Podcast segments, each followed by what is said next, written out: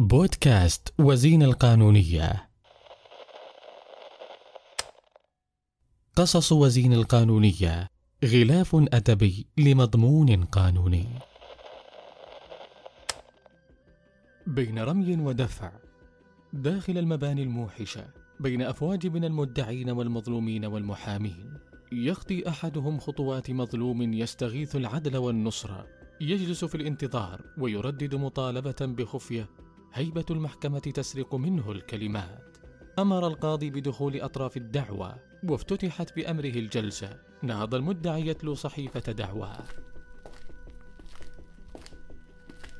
فضيلة القاضي أملك أرض. وهذا يا فضيلة القاضي موقعها؟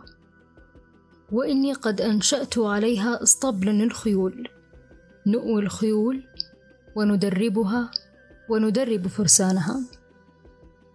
يحوي الاسطبل على عشرون مساحة مخصصة للاستئجار. قيمة الواحدة بالشهر ألف ريال. وإني يا فضيلة القاضي تغيبت عنها لأسباب خاصة. سجنت يا فضيلة القاضي في قضية خاصة. وبقيت في أرجاء زنزانتي سنة واحدة بالتمام. خرجت. وإذا بحضرة المدة عليه مستول على اسطبلي جل تعبي وشغفي. بائعا خيولي الفاتنة. اسطبلي يا فضيلة القاضي أمسى كالخراب. وإني أطلب من عدالتكم الحكيمة تضمينه غلة الإيجار. ودفع ثمن الخيول المباعة ورد الاعتبار. التفت القاضي يطلب من الآخر الجواب. قال بعلو كبير.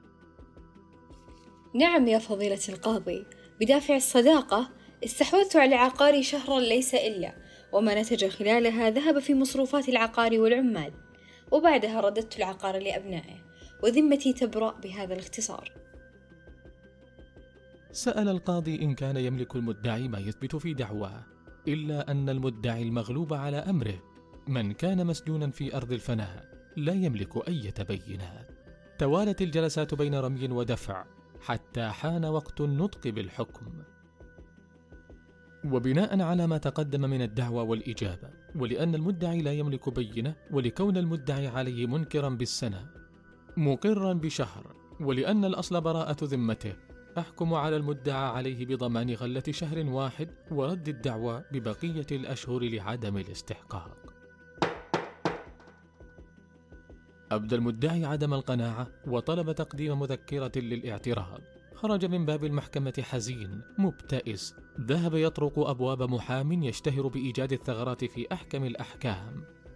مضى أسبوعا وأتى المغلوب على أمره في الميعاد. استلم نص الاعتراض وبدأت رحلة الاستئناف. يا فضيلة القاضي وفقا للحق الممنوح لي بالإعتراض فإني ألحظ ثلاث نقاط جليات. لعل الله يكتب بها العدل والإنصاف.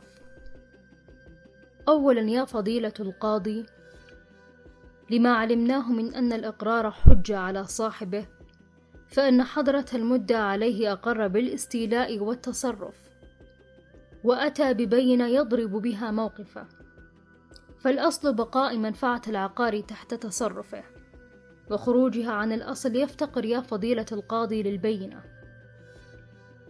وثانيا يا فضيلة القاضي هذا الإقرار مدعاة لتطبيق أحكام الغصب عليه فيضمن غلة العقار الذي كان تحت يديه طوال المدة التي استولى بها عليه.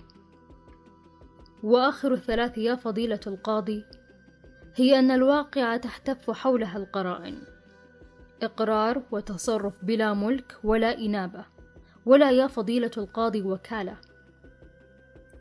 شبهة يا فضيلة القاضي. فمن أقر ببدء الاستيلاء ما الذي يمنعه يا فضيلة القاضي عن الاستمرار؟ إن ذمة المدة عليه شغلت بيقين إقراره وعليه أطلب من فضيلتكم نقد الحكم الصادر وتضمين المدة عليه غلة إثنى عشر شهر سنة واحدة بالتمام. أعاد القاضي نظر القضية. وطلب من المدعى عليه إثبات البينة لخروج العقار عن تصرفه الثابت بالإقرار. عجز وبهت الذي غصب وسرق. وحكم بضمان غلة العقار مدة الغصب. وقضي الأمر الذي فيه يتخاصمان. انتظرونا في الحلقة القادمة. دمتم في رعاية الله.